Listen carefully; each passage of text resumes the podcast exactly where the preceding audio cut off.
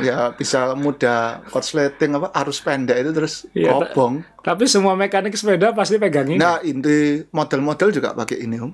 Oh iya, untuk nutupi supaya nggak kelihatan ya. Ya, ya, model. Kan kalau kalau photoshoot atau apa, kalau bajunya tipis ya kan, Ya, supaya tidak menonjol kan bagian Betul, itu ya. ya. ya. Nah, Omre apal begini-begini untuk apa itu?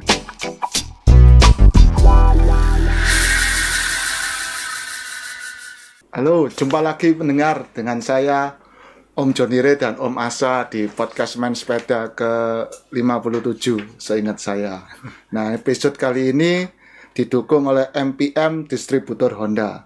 Standar baru motor metik besar itu Honda PCX 160. Mesinnya besar 160 cc. 4 katup, in-his Smart Power Plus, makin powerful, powerful dan makin enteng akselerasinya. Bodinya gagah, desain desainnya elegan dan prestisius. Fitur-fiturnya makin lengkap dan canggih serta berkualitas. Posisi berkendaranya ekstra nyaman. Pijakan kakinya lukas yang nggak boleh ketinggalan, bagasinya besar, bisa buat isi makanan atau perlengkapan yang lain. Cocok saat dikendarai harian ataupun jarak jauh, tapi tidak boleh dipakai curang bersepeda ya. Pastinya bikin makin tampil beda ketika di jalan. Dapatkan hadiah langsung jaket eksklusif spesial untuk Anda yang membeli motor Honda PCX 160 di dealer Honda khusus wilayah Jawa Timur. Dan tonton podcast ini dari awal hingga akhir karena akan ada quiz yang dipersembahkan oleh MPM Honda. Jawab pertanyaannya dengan cara klik link yang ada di deskripsi. Honda PCX 160 Ultimate Excellence. Rasa bangga tiada tanding, sensasi berkendara tiada tanding. Mantep pokoknya. Pokoknya nggak boleh dipakai curang di Strava ya. ya, nggak boleh. Jangan Nanti naik itu 300 kilo pakai Garmin diupload ya. ya nanti temen saya ngamuk itu. Jupe ngamuk nanti. Jupe flag kamu, ya. ya, terima kasih kepada MPM Honda terus mendukung podcast ini. Uh, tema hari ini apa Om Rey? Tema eh, temanya nih katanya tema remeh. Remeh-temeh ini Boy. Ya, remeh-temeh. Hmm. Tapi jangan diremehkan gitu. Jadi kita ingin jadi MacGyver sedikit ya. Ya, Cuman Mac MacGyver MacGyveran ya. MacGyver itu anak milenial ini tahu nggak ya? Itu tontonannya om saya soalnya. saya nggak tahu. Masa kamu nggak tahu? ya, Masa nggak ada yang tahu MacGyver? MacGyver itu kan dikasih dikasih permen karet bisa bikin bom nuklir kan kayak gitu ya. ya kalau yang ya kita ulas sedikit ke MacGyver itu dulu yang versi lama itu ya mendengar itu kan bintangnya Richard Dean Anderson itu. gitu katanya omnya yang nonton kamu apal nama pemainnya kok. ya kan di waktu om saya nonton saya ikut ya. Yang ngulangi gitu. Itu itu apa jagoan yang bisa mengakali keadaan berbahaya dari pernak-pernik yang ada di sekitarnya ya gitu. Dan dia bisa melawan penjahat tanpa pistol ya. oh ya dia nggak suka pakai anu pistol, Pistol. betul ya. Pokoknya dia- tapi basoka Basoka. Bikin basoka tapi. iya Jadi dia bisa menggunakan bahan-bahan apa saja untuk kebutuhan dia selamat atau mengalahkan orang. Nah, ya senjatanya paling itu pisau lipat apa Arminac Victorinox gitu ya, ya. Oh itu gara-gara MacGyver itu dulu ya, top ya. dulu laku itu ya Kenapa itu nggak dipakai sepedaan ya? Ya buat apa? Ya kan multi tool kan mirip-mirip kayak gitu sebenarnya. Kenapa nggak Ya, Victorinox tapi aja? kita ada, cuman kan biasanya isinya obeng, kunci L, nomor 3, 4, 5, nomor berapa kan gitu. Hmm. Ya kalau bolong kan sekalian ada tusuk gigi, ada gunting kuku, ada kan sekalian Saya jadi satu. yang kecil. yang kecil.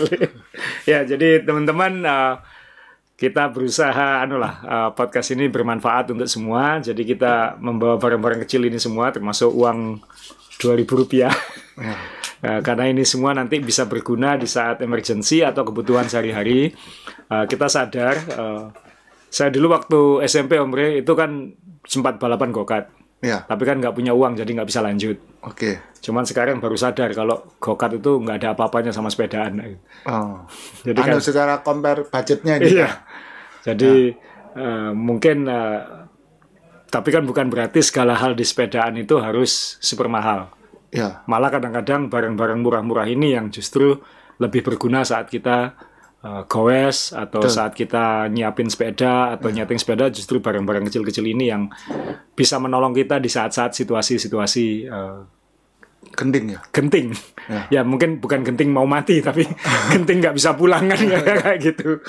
Nah, ini kita ada beberapa barang berserakan. Uh, kita akan coba bahas satu-satu Om Rey, ya. Tapi Ya. mungkin uh, menurut saya barang paling penting di dunia sepeda itu adalah selotip elektrik ini. Apa? apa istilahnya? elek- elektri- electrical tape ya. Isolasi ya. Isolasi. Isolasi hitam. Ini benar-benar uh, barang yang luar biasa kayaknya lebih kegunaannya di dunia sepeda jauh lebih banyak daripada tukang listrik. Se enggak ya iya sih ya tukang Listrik kan cuma untuk nutupi untuk insulasi aja Loh, kan. tapi kalau enggak strom. Om. Ah.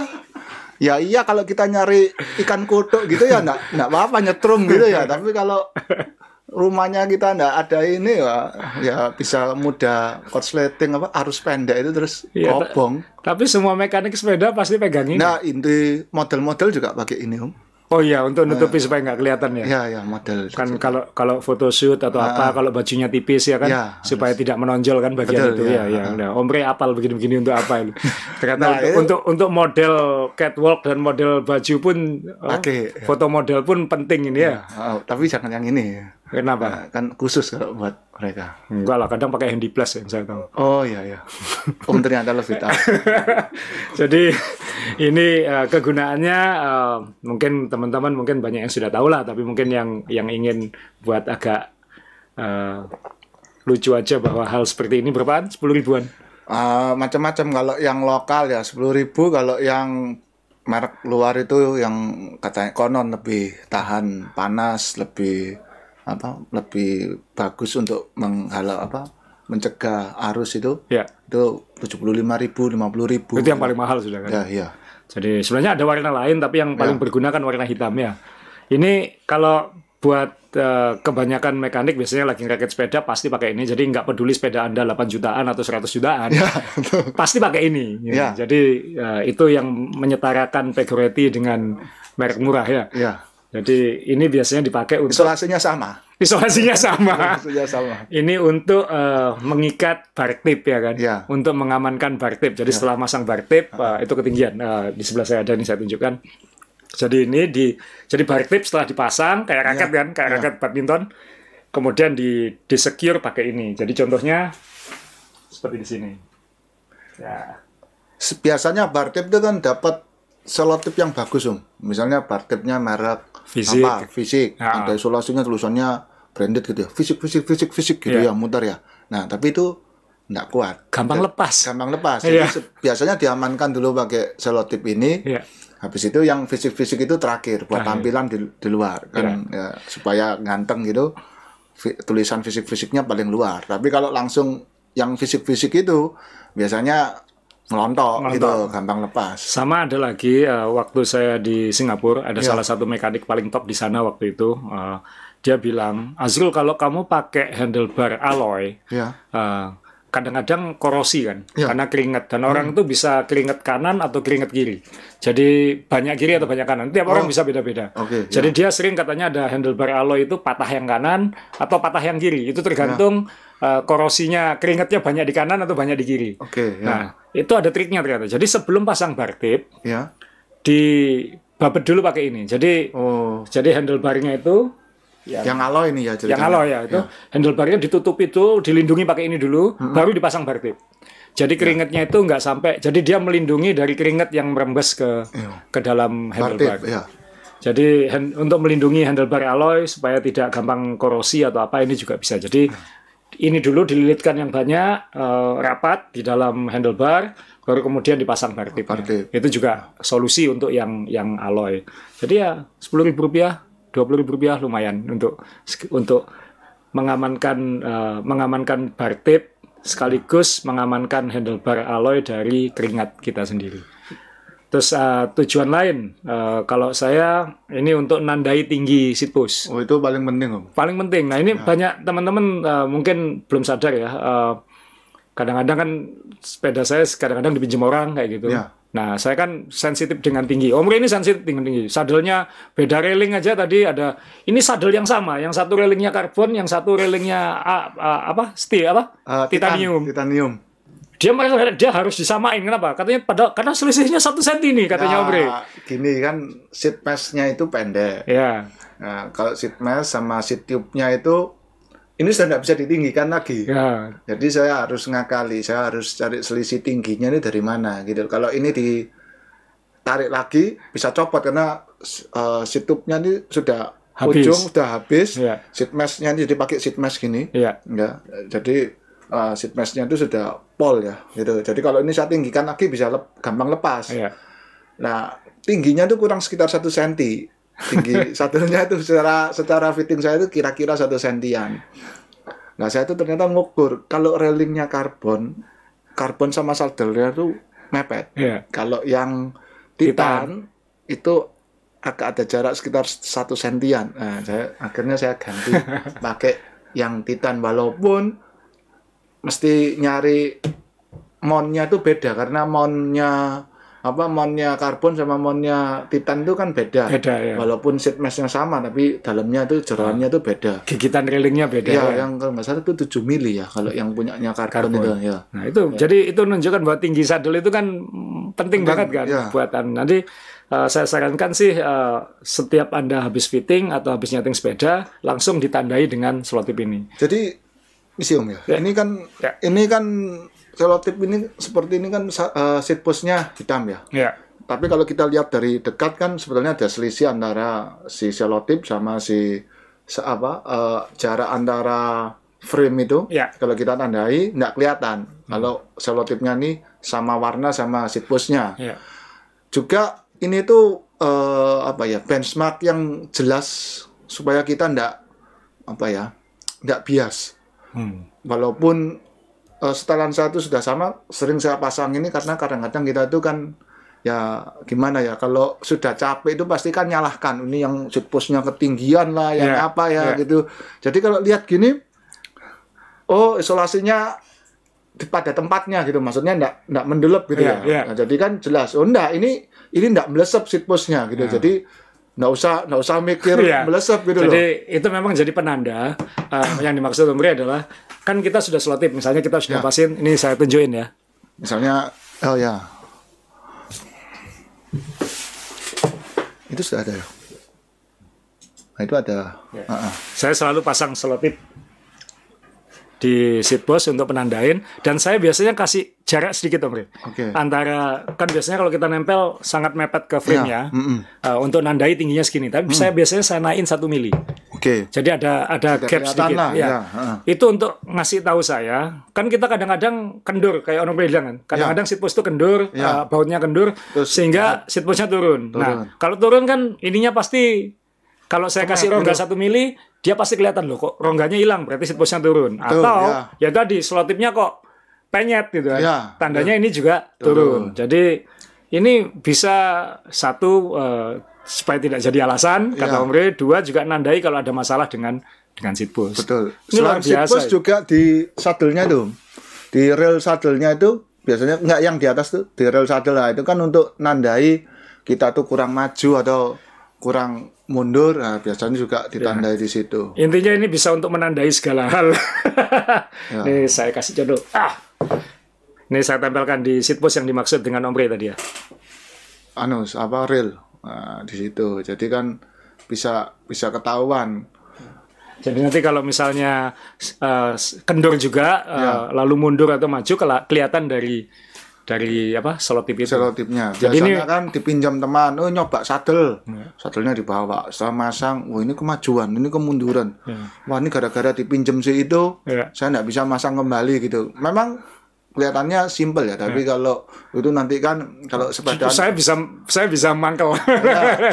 selain mangkel kan ya bisa jadi alasan ini nggak enak ini Iya. hari ini karena habis kamu pinjam sadelnya kan gitu. Ya sebetulnya bisa diantisipasi dengan Selotip. selotip ini ya Ya. Terus kegunaan lain banyak nih gunanya. Eh, kalau pembalap-pembalap ini untuk nutupi lubang-lubang biasanya.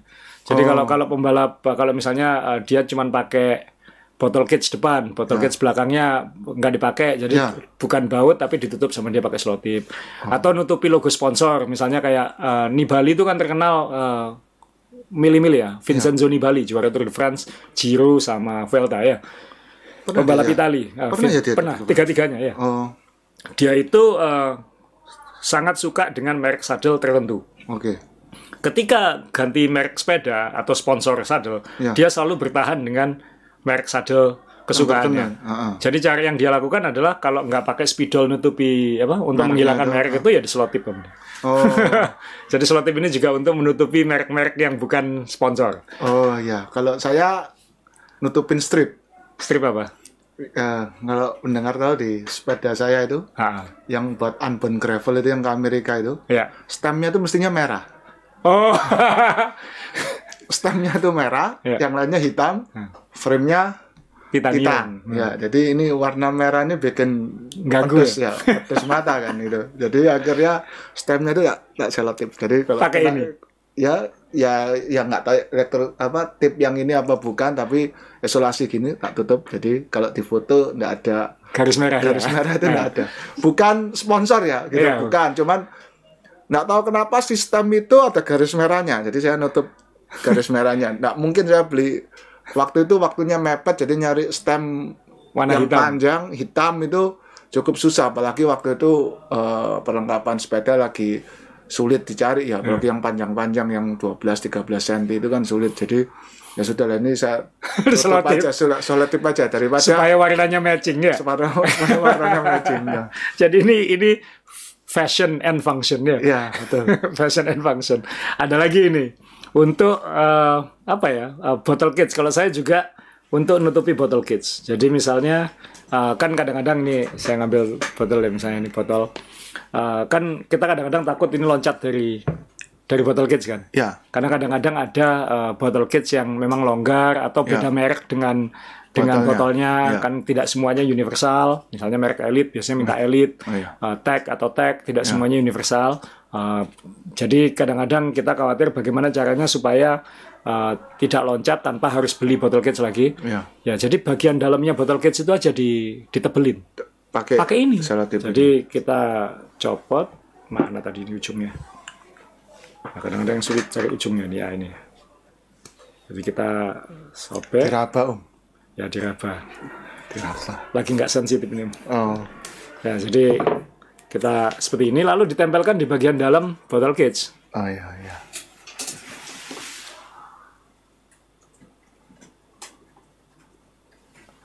Nah itu nanti Udah digitukan aja. Jadi kalau masang botolnya nanti ini bisa lebih erat dia karena Ya. dia eh, seperti lebih ya friksinya lebih banyak. Dan juga isolasi model gini nih warna-warni kan. ya. Jadi botol cage-nya putih, ada selotip gini yang putih. Dan ini dipakai trik pakai pembalap. Pembalap menggunakan ini. Kadang pakai amplas dilem ke ke dalam ke dalam apa eh, amplas tipis itu. Ya. Eh, sama dia dilem dilem dilem kuat itu ke dalam Ya. botol kit supaya gigit bidon. Botolnya. Nah, itu juga dan ini bisa kalau kurang eh, kurang ngegramnya kurang erat lagi ya ditebelin aja. Iya, Dibanyain aja di diputer ya. aja di botol kitnya itu juga bisa. Ini alat yang luar biasa. Satu lagi terakhir buat tali helm. Kayak Om ini kan, kadang-kadang tali helm itu kan nggak semuanya panjangnya pas ya. Kewer-kewer. Kadang-kadang kan ada yang kewer-kewer panjang, apalagi kalau kepalanya kecil gitu. Ya. Nah itu kan oke, memang solusinya digunting ya, digunting lalu di Ya. dijahit atau apa ujungnya kalau mau pengen-pengen rapi. Tapi kadang-kadang kan males. Kalau saya kadang saya lipat aja, terus saya selotip pakai ini aja.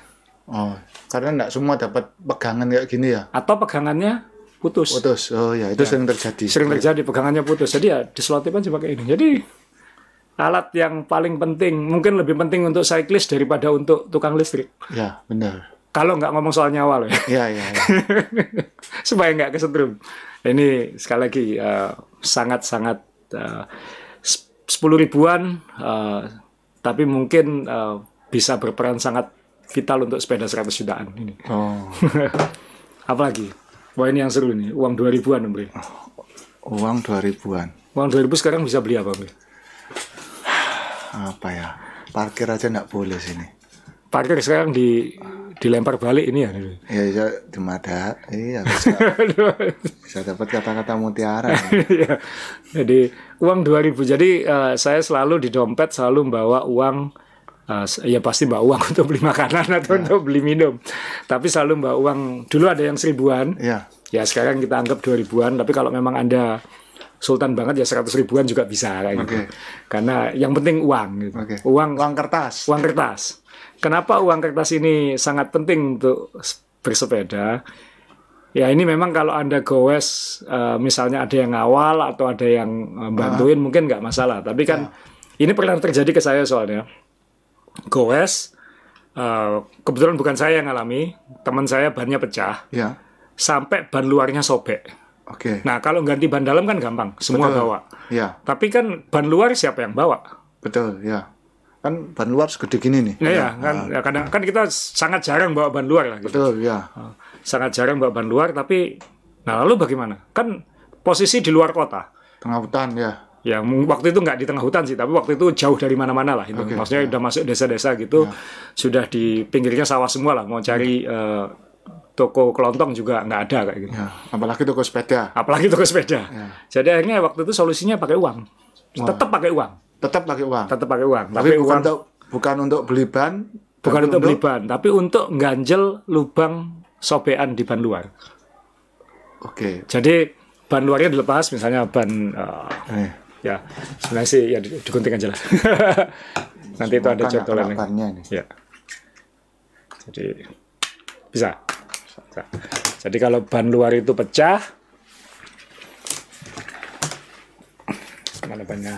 Ya, misalnya eh, sobek di sini ada sobekan gitu ya. Ya, Kan kalau kita pasang ban dalam, ya. ban dalamnya akan Melacot keluar. keluar kan, Iya, kayak betul. keluar dan kemudian pecah lagi. gitu. Ya, karena kecepit di lubangnya Betul, keluar itu. Ha. beban luar. Sehingga yang dijalankan adalah diganjel dengan uang begini. Hmm. Diganjel uang Ya. seperti ini. Tidak semua yang kecepit itu enak. Kalau ini bisa pecah soalnya. nah, iya kan? Kalau ban dalam, kecepit ban luar, pecah. Iya pecah. kan? Kan nggak enak. Maksudnya bahaya gitu yang pengendaranya. Ya. Jadi ya pakai uang. Kenapa pakai uang? Karena uang ini uang ini kuat sekali. Oh, lihat ya. Iya, lihat. Jadi uang ini sangat sangat kuat. Nah, kalau kita pakai kertas kertas biasa, sobek, tembus.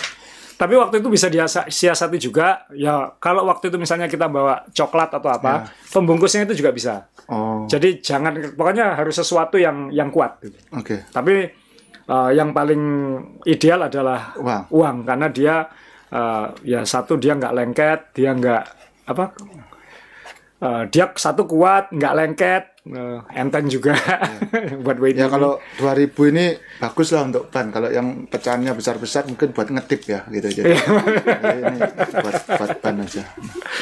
ya jadi eh, uang 2000 itu eh, penting eh, kalau nanti sepedaan ya karena bisa kalau bannya sobek. Saya belajarnya dari Amerika sih. Orang Amerika selalu bawa one dollar bill. Jadi bawa uang dolar satu dolaran itu. Nah, jadi itu uang dolar nggak tahu uang dolar kayaknya lebih kuat daripada ini. Cuman eh, ini cukup waktu itu bisa. Uang seribuan waktu itu sih bukan dua ribuan. Tapi sekarang kan susah nyari uang seribuan kertas jadi uang dua ribuan. Nanti nanti itu solusi sesuai inflasi kan. Nanti mungkin eh, dua tahun lagi lima ribuan gitu kan. Eh, lima tahun lagi sepuluh ribuan kan gitu. Kebetulan sekarang masih dua ribuan gitu. Kalau 100 ribuan lupa mbak uang cari di bannya gitu boleh. bisa cari di bannya. Ya, jadi selalu membawa uang seperti ini kalau eh, just in case bocor dan bannya sobek. Tidak harus sobek besar kan, sobek kecil aja itu Ya. bisa bermasalah. Kalau cuman lubang kayak lubang paku atau apa mungkin masih nggak apa-apa. Tapi kalau lubangnya gedean dikit itu bisa Ya bisa karena ban dalam tuh mendengar kalau keisi tekanan angin kan ya nekan keluar. Nah, akan keluar gini ya. Dan juga karetnya itu kan jadi melar banget jadi jadi tipis. Jadi kalau ada bolongan sobek itu dia pasti berusaha Keluar. keluar, itu dan ya tadi itu kecepit ya. Nanti nanti ini kena tekanan aspal ya pecah. Pecah. Karena ban dalam ya. Ban dalam itu harus di dalam sama seperti bagian dalam kan, harus di dalam. Loh, iya kan? Iya. Bener kan? Iya. Makanya yang hebat tuh Superman gitu, pakai bagian dalam di di luar. ya. Nah ini yang saya heran adalah tetap nanti begitu sampai rumah ya ganti bannya atau Oh, ya. di, atau ditambal yang lebih permanen gitu kan ya. iya. Jangan tapi jangan-jangan dia nanti Oh ini banyak nggak pernah diganti-ganti. Oh, Di dalam ternyata ada banyak uang di dalam. Sekelilingnya pakai uang semua. pakai uang aja dilem mas gitu. Daripada daripada nempel ban lima ribu, uang dua ribuan aja saya lem kan bisa. Iya, bisa. Tapi nggak kita sarankan. Nggak kita sarankan. Kalau mau bisa, tapi nggak kita sarankan. Ya. Om Rey, ya ini yang seru lagi. Mungkin Om Rey bisa menjelaskan ini. Nah, ini ini caplang. Minyak kayu putih. Minyak kayu putih caplang. Nah, biasanya minyak kayu putih itu kalau asli dari misalnya saya- saya dibawakan dari Ambon itu biasanya kan minyak apa? Cap menjangan apa itu rusa dan ya rusa sama menjangan itu sama ya. Jadi ini bukan eh, si caplang ini tidak mengendorse kita tapi kita ngomong fungsinya Ya. gitu. Ini minyak kayu putih ini selain apa ya? buat gosok-gosok kalau kedinginan, digigit serangga dan lain-lain gitu. Dan juga akrab dengan anak kecil biasanya ya. Gitu. Ini bisa untuk membersihkan eh, noda-noda kecuali ya Anda tahu lah noda apa yang nggak bisa bersih cuman eh, kalau misalnya di sadel putih gini itu kotor ambil Ya, lapnya harus putih ya. Lapnya harus putih supaya just in case nggak luntur gitu aja. oh ya Ya, jadi saya biasa pakai kaos-kaos lama, misalnya kaos-kaos lama yang putih itu itu lebih Ya, aman. Tapi ini ada kain putih ya. kan berarti terus ya kotorannya digosok sama caplang ini tuh biasanya lebih putih dan eh bisa bersih maksud saya Ya. dan Dulu kan kita sering pakai bartip warna putih, ya eh, sadel warna putih. Sekarang udah jarang itu. Cuman dulu eh, dulu sering pakai bartip putih dan itu membersihkannya setengah mati. Tapi sebenarnya nggak setengah mati, pakai caplang bisa. dulu saya niru kontader itu seneng sadulnya putih batupnya putih Ya. habis itu enggak lagi Karena setiap gowes harus dibersihin ya. ya ya itu tadi. Setiap ngowes nggak dibersihkan. Jadi akhirnya mangkak. Jadi kotor setelah itu ya kalau sudah terlalu permanen ya caplang ini nggak mampu gitu ya Iya. mesti ganti bartip gitu Ya, jadi memang eh, ini ini solusi dulu dapatnya ada juga untuk ban sebenarnya. Kalau dulu kan sering ada ban-ban yang gumwall, ya eh, ban gumwall itu kadang-kadang nih ya ya, seperti itu warnanya ya. Yang bukan yang ini lah. Kalau gumwall sekarang kan masih karet ya, sama kayak yang ban asli katun itu yang asli kayak katun, lalu mm, kalau sekarang mungkin apa kayak Victoria kayak gitu ya. Ya. Itu eh, pada tahap tertentu bisa dibersihkan pakai ini. Dulu sering sering saya sering bersihkan ban. Jadi kalau habis dipakai supaya kelihatan kinclong, ya pakai caplang. ini juga bisa buat frame. Buat frame uh, dengan catatan hati-hati dengan frame warna doff warna matte. Karena warna doff sering diginiin jadi glossy dia. Pakai pakai caplangnya oh. Jadi nano keramik enggak ya? Kelirinya kelirinya kalah ya. Jadi uh, kalau glossy glossy mungkin masih masih bagus. Tapi kalau dia matte hati-hati kalau pakai ini tapi ini anu ya eh, kalau untuk pasti coba dulu di titik kecil gitu ini berapa nih dua ribu karena setahu saya juga minyak kayu putih yang asli itu lebih keras. Jadi kalau kita taruh di wadahnya yang plastik, Leleh. plastiknya leleh. Ya. Maka biasanya kalau yang bagus-bagus yang asli-asli itu botolnya kaca kan supaya dia enggak leleh. Jadi mungkin ya jangan terlalu bagus karena mungkin sepedanya yang kalah warnanya. Gitu. Jadi hati-hati. Tapi ini ini uh, benar ini salah satu solusi untuk uh, untuk membersihkan khususnya komponen-komponen warna putih atau warna warna terang. Dan uh, saya sempat ada yang bilang sih "Oh, merek lain nggak bisa katanya. Saya, ya, saya nggak berani nyoba aja gitu belum. Mungkin teman-teman nanti di komen bisa nambah mungkin merek lain bisa kan supaya nggak full caplang semua di sini. Oh. Kan. Karena kalau nggak nanti caplang pembersih sepeda kayak gitu kan. ya. Ini bukan buat keroan berarti. Multifungsi kan ya. Oh, multifungsi. Dan uh, jujur ya, uh, waktu itu ta taunya juga uh, kalau kita ke butik-butik, uh, ini buat yang sosialita yang suka beli tas-tas bermerek gitu, Ya, yang tas yang harganya lebih fantastis dari sepeda-sepeda itu, betul. Ha? yang di-display di tokonya kalau kita Ya. ke pusat perbelanjaan yang paling bergengsi, Ha-ha. sebenarnya mereka menyimpan ini. Oh, Jadi untuk membersihkan. untuk membersihkan display-display itu. Oh. Jadi ya Oh, memang the brand is particular ini ya. Yang saya tahu ya. Tapi makanya saya juga nggak tahu apakah merek lain bisa. Ada yang bilang jangan pakai merek lain, teman. Mungkin di teman-teman di komen bisa nambahi kalau misalnya merek lain bisa, ya kan supaya kita karena kita nggak di endorse sama Caplang gitu aja. Iya. Mau di endorse juga mau diapain, diminum nggak bisa ya kan. Ya. Ya. Kan bersihin juga nggak perlu berliter-liter kan ya kan. Kadang-kadang segini aja udah bisa berbulan-bulan kan kayak gitu. Cuman ya Caplang pembersih sepeda. Ya. Tapi ya catatan penting pakai kain warna putih ya kalau bisa. Kaos bekas putih atau apa, kaos dalam, uh, celana dalam putih bekas, uh, yang mungkin aman itu.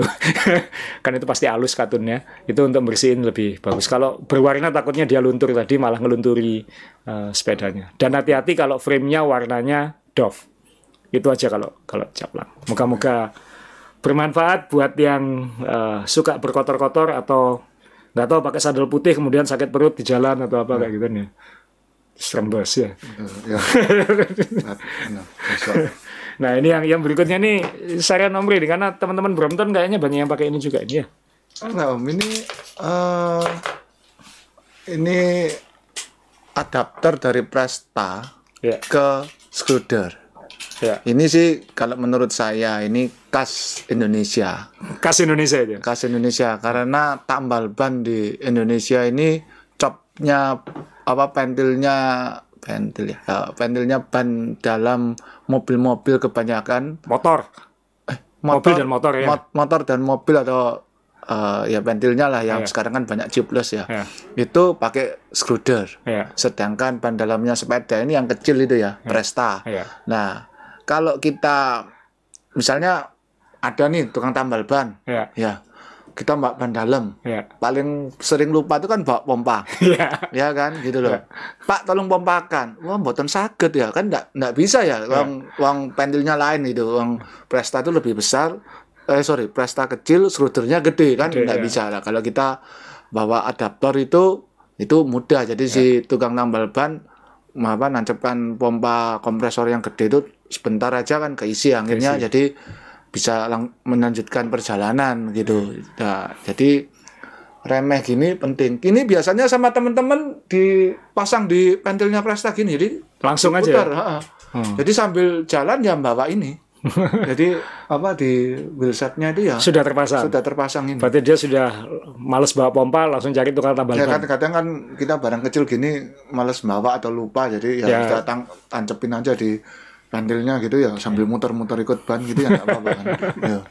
berapaan ini Aduh, saya nggak tahu sih. Sebenarnya nggak mahal. lima ribu kalau nggak salah Saya nggak hafal itu. ya ban dalam sekarang berapa seratus ribu Yang, yang mahal, ya. ya seratus ribu Bisa ya. lebih ya rasanya. bisa lebih Kalau yang bang dalam kesukaan anda itu mahal banget itu. enggak lah aku pakai yang murah kok yang tebel Bukan yang itu, lito itu, tubuh lito. bukan itu kan kita pakai waktu waktu ke luar negeri aja waktu masalah apa untuk menjamin Itu tidak yang- bocor Itu ada yang tanya di DM saya, Iya. Om, itu tubuh lito bagus om, Ya, bagus harganya. nggak bagus." harganya nggak bagus ya harus kita akui kita nggak bocor sama sekali ya selama Iya. pakai itu cuman kan bocornya malah waktu kita buka dan kita anu karena dia ujung di dekat pentilnya itu gampang sobek itu ya Oh, tapi eh, sejauh ini sih waktu dipakai nggak masalah tapi kalau sehari-hari sih mending pakai yang karena menurut saya pengalaman saya malah kan banyak tuh nyubi-nyubi milih ban dalam yang harganya mahal-mahal Nah, yang ya. yang enteng-enteng bukan tuh bolito ya yang Ya. yang yang karet tapi yang mahal itu yang ringan. yang ringan yang supersonik atau apalah itu itu malah gampang bocor Karena tipis ringan sama dengan tipis. Iya. Jadi akhirnya kalau bolong kena paku atau apa di jalan, Iya. bolongnya itu kan habis ban luar kena ban dalamnya ya kena jadi ban kecepit kan kayak kayak ketekan kan ya ya enggak kan dia tembus lah. Tembus lah, ya. Atau ketek atau gampang ketekan kayak gitu Ya. jadi saya Kelipet, justru kelipet. saya dulu kalau disuruh milih eh, misalnya untuk sehari-hari ya ada ban dalam harga harga 40.000 ribu waktu itu sama 120.000 ribu saya milih yang 40.000 ribu lebih aman lebih tebal. Lebih Tapi tebal. memang kalau diangkat ini lebih berat. lebih berat tapi ya untuk sehari-hari kan nggak masalah Ya. nah itu yang nah, tapi ya ini lima ribuan ini bisa ini sebenarnya dimasukkan di dompet juga bisa kan ya Di- dimasukkan dompet sepeda kan Bisa. sangat bisa Ah, jadi jangan lupa karena di Indonesia ini eh, enaknya di Indonesia dibandingkan di luar negeri banyak tukang tambal ban Ya. jadi kalau anda males mompa uh, uh bocornya deket tambal ban ya kalau bawa ini kan langsung pasang aja Anda ngomong gitu saya baru sadar di luar negeri saya nggak lihat tambal ban. Nggak ada tambal ban Ah, ya ada ke bengkel gede tapi Iya paling enggak Ke pom bensin. pom bensin ya, Ya. paling enggak. Kalau di kita kan banyak di ke- kita nanjak kalau ke arah Batu itu aja, Iya. tanjakan ke arah Pujon itu aja ada beberapa. Jadi lebih aman kalau karena saya kejadian bocor waktu nanjak ke Pujon dulu pernah. Nah itu ada ada tambal ban tapi waktu itu saya nggak bawa pompa. Saya bawa ban dalam nggak bawa pompa seperti bilang tadi. Nah untungnya tukang tambal bannya punya ini. pupunya. Iya. Bondol ya. Berarti dia kebiasaan orang sepedaan naik ke situ banyak bocoran kayak gitu. ya ini Proaktif. proaktif. Lima ribu rupiah. Ini barang yang paling mahal caplang sejauh ini kayaknya. Ya, ini masih ada Dua puluh ribu. price tag-nya 20.000. Dua puluh ribu. Ya. Oke, apalagi? Eh, Plastik ziplock. ya, ini untuk makananmu supaya lebih awet ya. Ya, ini salah satu bentuknya. Ini dulu agak sulit nyari plastik ini. Ini sudah bikinan sini nih. Ya, Ini punyanya Om Bagus ya, bukan ya? ya nggak tahu kayaknya. Banyak orang bagus sedunia kalau di sini. Nah, ini kan biasanya plastik gini nih buat bungkus makanan dan lain-lain. Ada banyak merek loh ya kebetulan jadi Ya. Pak Omri yang Ini mengingatkan. nggak tahu ini harganya berapa nih. Ini sih 25 kok pendengar. Jadi banyak. Ini yang double lock. Wah, double lock. Itu kalau di dikasih merek sepeda Pinarello gitu harganya satu juta. Oh ya, bisa buat apa Ya, gitu double ya. lock gitu. Oh ya, double lock. Ah, double lock. Ya, Bahasa sebenarnya marketing. ini- Single lock. Ini 100.000. ukurannya banyak. Iya. Ada yang lebih kecil, Iya. lebih besar juga juga ada. Jadi- Atau atau itu kalau tulisannya Rafa gitu kan ya. Ya. Kalau single lock 100 ribu, double lock 1 juta ya. ya. ini fungsinya kalau dulu ini sangat lebih berarti untuk handphone. Ya. Walaupun sampai sekarang kita nyimpan handphone di plastik gini ini lebih aman. Memang- Malah lebih aman daripada dompet-dompet sepeda itu. Ya maaf, saya pakai dompet-dompet sepeda yang merek-merek itu juga beberapa bulan ya jebol juga kayak gitu. jebol karena kan aus. Aus, biasanya. Walaupun handphone Anda keluaran terbaru dan katanya anti air, kalau hujannya lebat biasanya air itu masuk di tempat casnya itu ya. Ya. Colokan casnya itu. Ya, lubang-lubang. Nah ya, itu kalau sudah terlalu banyak air tergenang di sana Anda coba cas kan nggak mau nanti dia ngomong tunggu kering dulu baru mau dicas Ya. gitu ya. Jadi itu pun kalau nggak keterusan rusak gitu ya. Itu supaya tetap kering ya saran saya masukkan plastik model kayak gini. Ya, teman-teman banyak kok yang pakai kayak gini, eh, tapi menurut saya sih saran meskipun kita pakai dompet-dompet sepeda bawa aja, toh itu dilipat-lipat atau digulung kan juga bisa Bisa, bisa, kecil. Apalagi ini mau musim hujan toh, ya. Ya, Kalau mau musim hujan gini kan kita harus eh, persiapan segala hal lah, bukan hanya handphone. Kadang-kadang ada teman-teman Garminnya juga dimasukkan, oh ya betul. Garminnya dimasukkan ke situ. Jadi Garmin itu Ini aku bawa Garmin. pendengar. Itu di si plastik ini enggak plastiknya itu dimasukkan sama ininya. Ini ada mountnya gitu ya. Ya. ada mountnya. Ya. iya benar-benar dimasukkan gini. Ya. Iya. terus dikaret atau di apa gini. Iya. Iya, ini jadi dikaret gini. Saya tanya loh kenapa? Enggak nanti bocor. Lo kan nanti air. Enggak punya saya apa kapan hari pernah rusak gitu dia bilang. Jadi ini tapi ya pikir-pikir bener juga. Kalau Garminnya rusak harganya sama kayak handphone kan gitu. Sama kalau nggak tercatat di Strava kan nggak dihitung goesnya. oh itu betul iya iya. Bener sudah sudah sudah berusaha dengan Kita kasih contoh aja, ini ada yang lebih kecil ya. sudah berusaha sampai ngiler-ngiler terus datanya error. Garminnya bisa dibeli ya. Tapi locknya yang waktu itu hilang. Hilang. ya nah itu dimasukkan seperti gitu. Nah yang bening om dibalik om. Yang beningnya di nah ya. jadi kan masih kelihatan tuh PR apa enggak ya kan kan gitu. Nah berarti dikaret. Nah, nah ini aman.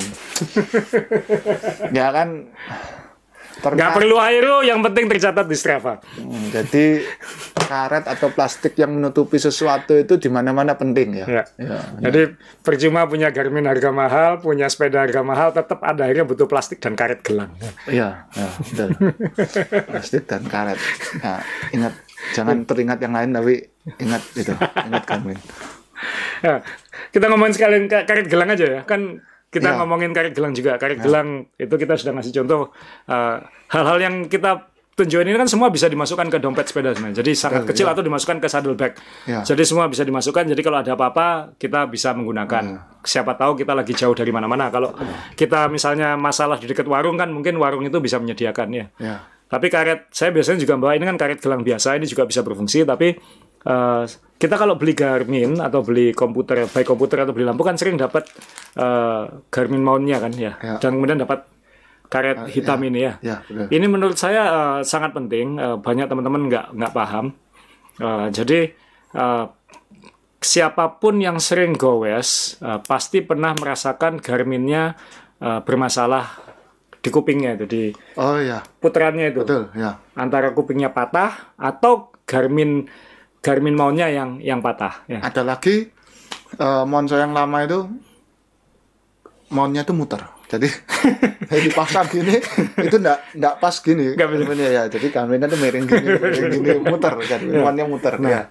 Uh, saya dulu pernah kan kadang-kadang untuk dulu ya sekarang mungkin lebih gampang cari komponennya atau cari solusinya tapi dulu kan sempat sangat sulit nyari kalau misalnya kupingnya patah kan Betul. harus pesan dulu bisa paling cepat dua minggu tiga minggu itu pun kalau mau bayar mahal shipping kayak gitu Ya. jadi dulu saya akali Garminnya adalah uh, jadi Garminnya kan mungkin hanya patah separuh kupingnya jadi bisa dipasang cuman nggak aman gitu aja Ya, kan loncat-loncat gini. Aman. Jadi yang saya lakukan adalah uh, saya kasih ikat tambahan ini untuk menjamin dia tidak loncat.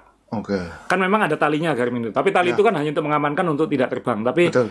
dia tetap bisa lepas dari mountnya. Jadi saya biasanya pakai ini, jadi mungkin saya mau nunjukin, uh, jadi jangan dibuang gini-gini ini ini Ya. ini ini sangat penting dan ini ya ini juga bisa, cuman kan ini lebih rapi, Enggak, eh, kekuatan jenis karetnya juga beda, Beda. lebih dikit ya. Ya, ini, ini ini- saya tunjukin ya. Jadi ini uh, saya contohkan Garmin saya dulu, kalau kupingnya lepas saya apakan.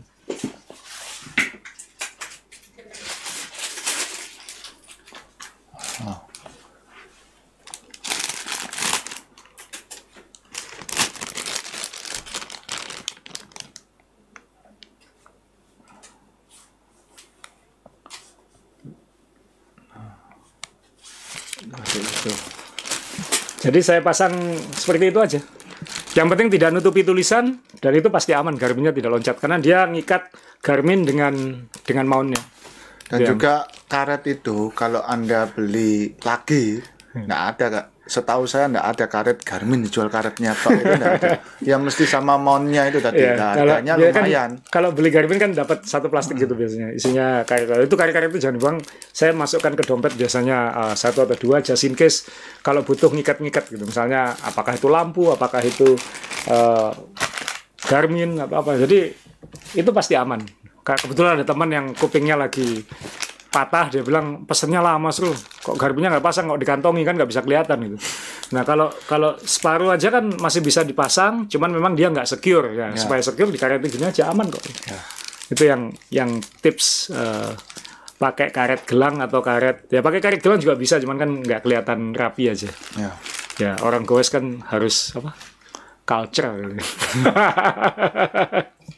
ya apalagi nih kabel tis Kabel disk. nah Ini kabel disk ini, ini kebetulan yang besar ya kan ada yang Besar, lebih kecil ya. Ha, tapi ini juga bisa dibawa juga Ini kalau anda sering lihat film ini bukan untuk yang giniin tangan tuh bukan ya. Iya. Ya. itu ka- kabel disknya lebih gede lagi kalau itu. Ini biasanya buat ya kalau kabel ini yang J5 tuh nggak ada kabelnya kak. Yang banyak kabelnya kayak Pegoreti gini nih. Ya. Biasanya kan kadang-kadang ada yang cepat atau gimana. Nah, itu untuk merapikan baik kabel disk atau ada eh ada beberapa sepeda itu yang pakai dinamo. Ya. kabelnya keluar di antara fog atau ke belakang untuk lampu belakangnya.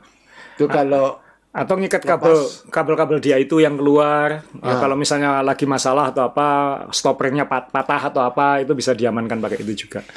Juga untuk cadence sensor ya atau eh, apa speed speed sensor itu kan Ya. yang beberapa yang lama itu kan ada pakai kabel disk ini. Ya. Jadi kalau lepas itu ganggu karena masih butuh sensornya.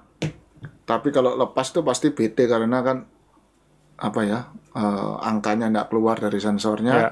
Sedangkan masih mau dipakai, mau ditempelkan caranya gimana juga bingung ya. Ya. Makanya sedia kabel di sini.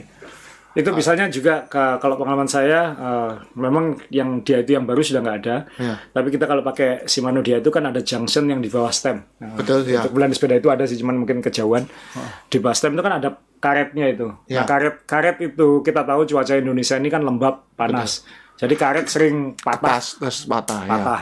Nah itu kalau kita bawa kabel tis bisa di diikat diamankan sebentar. Karena saya pernah eh, pergi goes jauh-jauh karetnya patah gitu nah ini kan dia gantung-gantung ganggu banget tapi kalau bawa kabel tis bisa diikat ya minimal tidak toh untuk solusi sementara kayak gitu dan solusi permanen pun juga nggak kelihatan jelek gitu.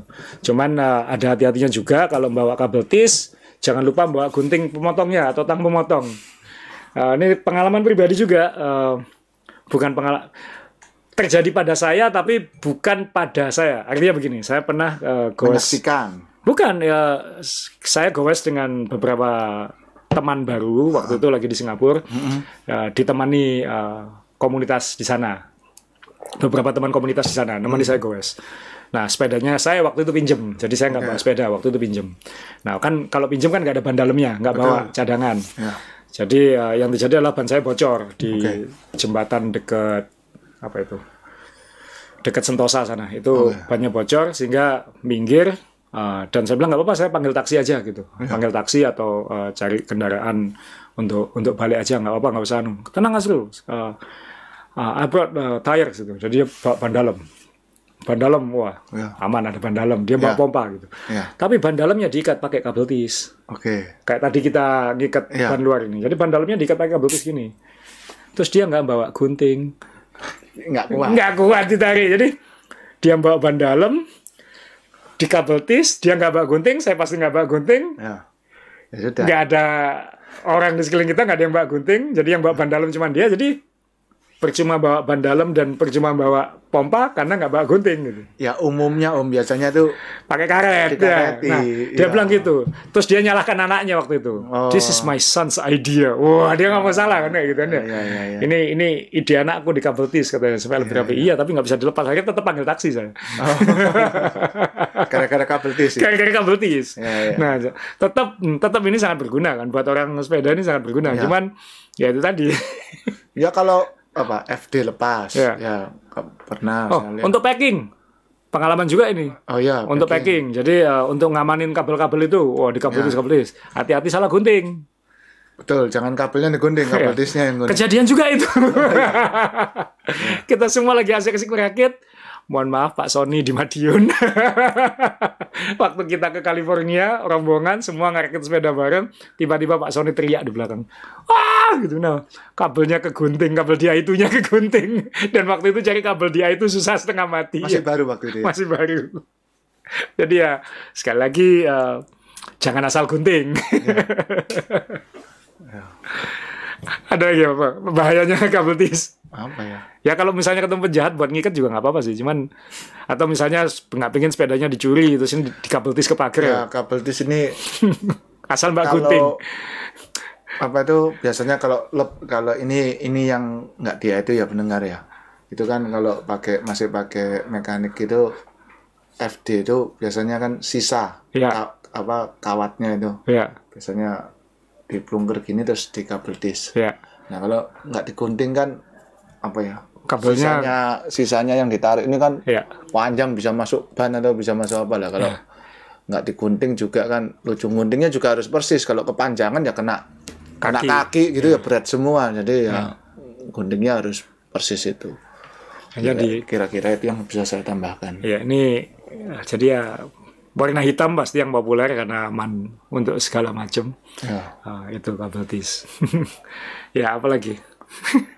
Eh, yang Ini ada lakban. berikutnya lakban Ah. nah Lakban. ini saya ma mohon maaf untuk pendengar yang trauma lihat lakban ini mungkin masa kecilnya kalau ribut di kelas kan Dilakban di mulut. lakban ini ya atau ya men- itu jadi kan lakban ini buat apa jauh Nggak itu kita kemarin belajar. Aku saya belajar waktu di Kansas kemarin. Jadi Ya. jadi nggak harus bawa segini. Kalau bawa segini kan pasti susah. Ya. Jadi yang mereka lakukan adalah eh, nyari misalnya saya ambil contoh di aduh saya nggak bawa pompa tapi misalnya jadi ambil aja eh, sebagian misalnya kan dia bisa dipakai segini aja pinjam guntingnya om jadi anggap mohon maaf ini gunting tapi anggap aja ini pompa ya jadi misalnya dikelilingkan aja di sini. Toh bisa dibuka Buka lagi, kan? lagi, iya ya. bisa dibuka lagi jadi dibabetkan di sini atau dibabetkan di pompa atau di apa eh, cukit ban. Oke ya. Cukit ban di begini karena ini kita nggak tahu nanti ini mungkin kayak semacam kabel tis tadi. Kalau misalnya kabel tisnya kurang atau apa kita bisa menggunakan ini untuk ngikat-ngikat sementara lah.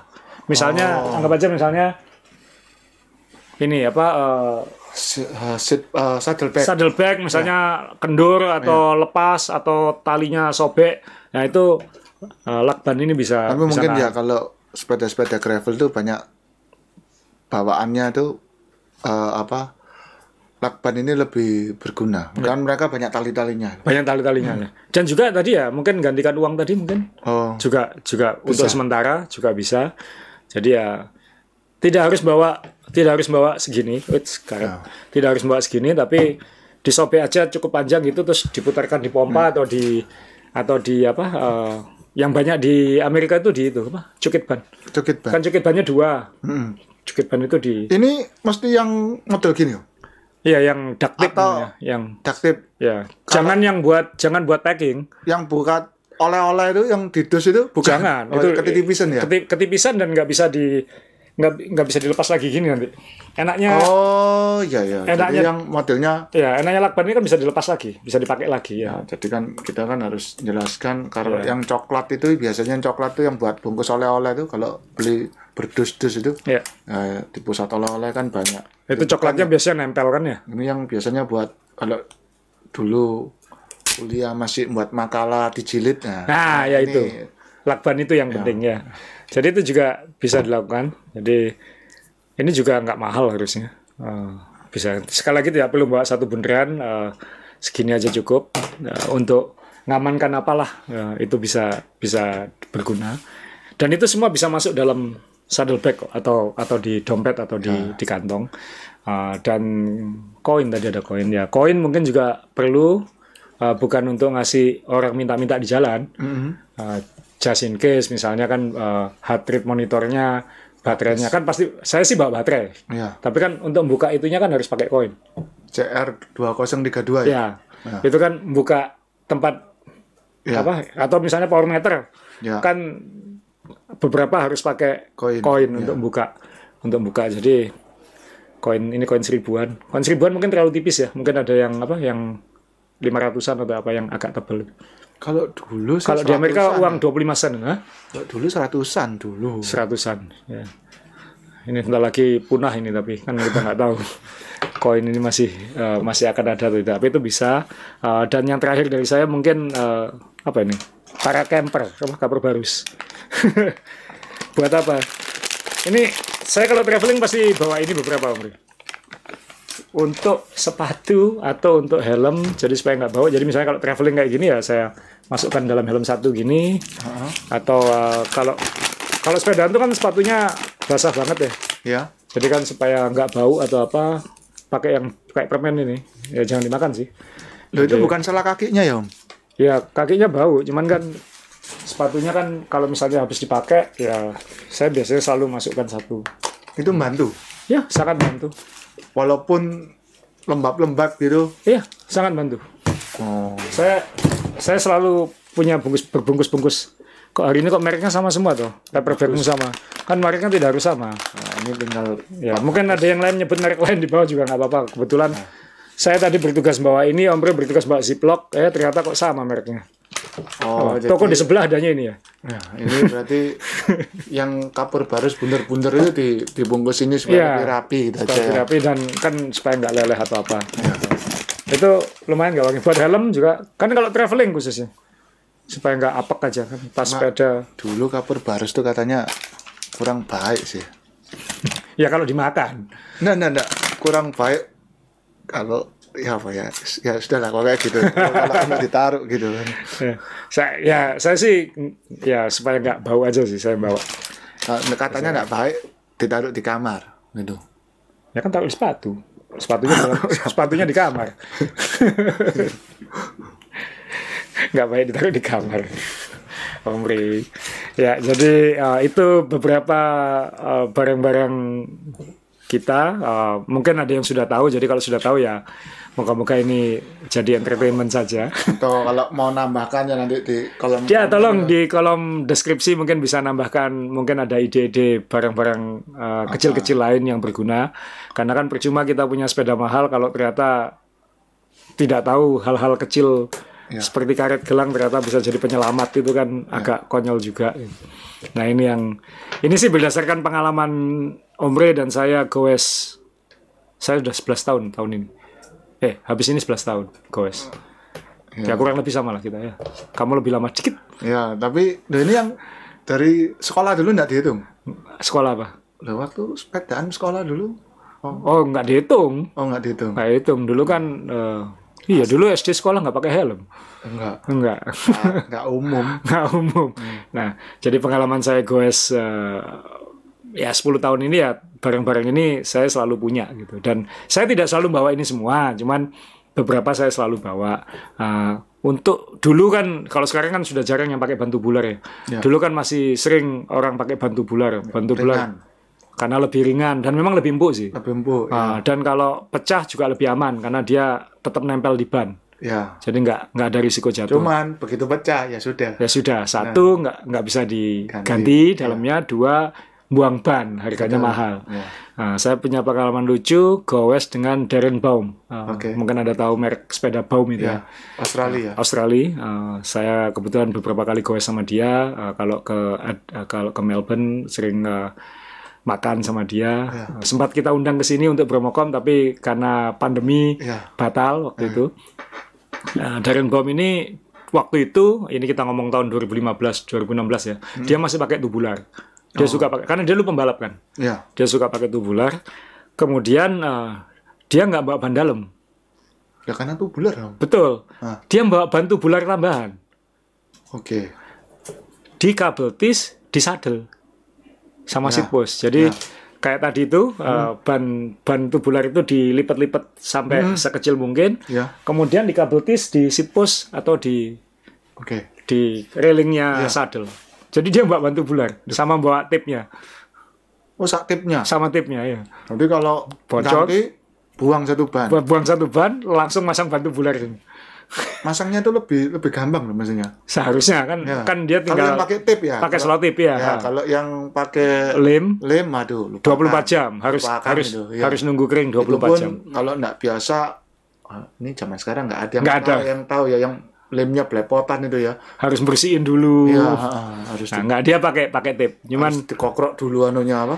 Eh, rimnya itu harus Ya. dibersihkan dulu. jadi itu agak lucu juga karena waktu itu kita goes ke Willunga Hills eh, di Ya. Adelaide waktu itu nonton Tour Down Under dan goes sama Darren dan dia loh, kamu pakai tubular iya? Kalau bocor, ini bawa bantu bular ya. ya, kalau saya sih males suruh suruh ngeganti ban pakai lem di di tengah apa ke- perkebunan atau apa. Ya, tapi sebetulnya hampir sama sih sama ganti ban dalam malah Iya. lebih enak. Cuman secara kos beda jauh. Beda jauh. Ya. Tapi ya Karena tipnya itu mahal, nggak nggak seperti isolasi ini harganya. Ya, Terus bantu bularnya juga lebih mahal dari ban biasa. ban biasa. Ya, mungkin biasa apa? Satu setengah kali dua kali ya ban tubular ya. Oh, dulu itu aja ban balem pecah masih ada yang 40.000 ribu, ban tubular pecah satu juta waktu itu. Nah ya berarti sudah ya sudah maksudnya har- harganya itu padahal ban biasa berapa? Ban biasa ya sekarang satu juta sih. enggak, waktu itu masih 500 Masih 500 600 ribu ya. Berarti Ah. dua kali ban biasa. Ban Jadi biasa. sekarang 2 jutaan kan Iya. ya kira-kira ya. Jadi bocor 2 juta. 2 juta. Bocor 2 juta. Ya ada sih teman kita yang suka buka jahitannya lalu nempel lalu dipakai lagi itu ada. Ya ya. Cuman kan ya kalau amannya kan jangan kan. Betul ya. Nah, tapi dia pakai kabel dis. Oh. Jadi emang di kantongnya itu ada, ya mungkin di multitoolnya itu ada tang potongnya atau apa kayak gitu. Jadi ya kabel tis, karet, eh, apa tadi macam-macam, eh, ziplock. Ya itulah eh, episode ini Om ya. Mungkin eh, semoga bermanfaat buat yang eh, belum pernah tahu, kalau yang sudah tahu ya moga-moga masih tetap bisa menikmati dan kita minta tolong di deskripsi tolong juga eh, selain tadi menjawab pertanyaan eh, kuis dari MPM. MPM Honda karena ada kuisnya eh, juga isi eh, ikuti kuisnya karena ikut membantu podcast kita itu Ya. Eh, dan juga eh, mungkin ada saran-saran eh, hal-hal kecil-kecil MacGyver lain yang bisa membantu eh, siapa Kita tahu mungkin uh, pendengar pen- uh, penonton yang lain. penonton yang lain. Siapa tahu misalnya ada cara supaya sentolop bisa jadi lampu yang mengalahkan apa kayak gitu kan ya. Ya. Kita kan nggak tahu. Atau mungkin handphone bisa berubah jadi apa di situ kan ya. Ya.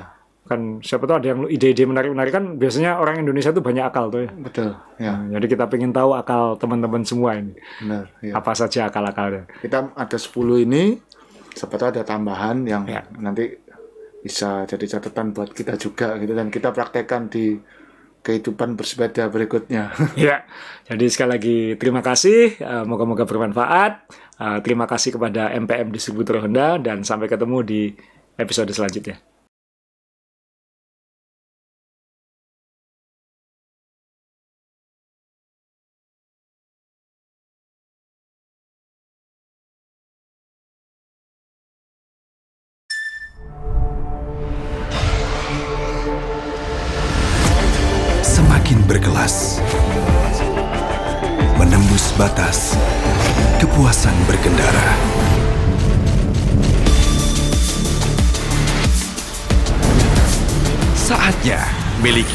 bangga tiada banding, sensasi berkendara tiada tanding. Dengan all new Honda PCX, the ultimate excellence.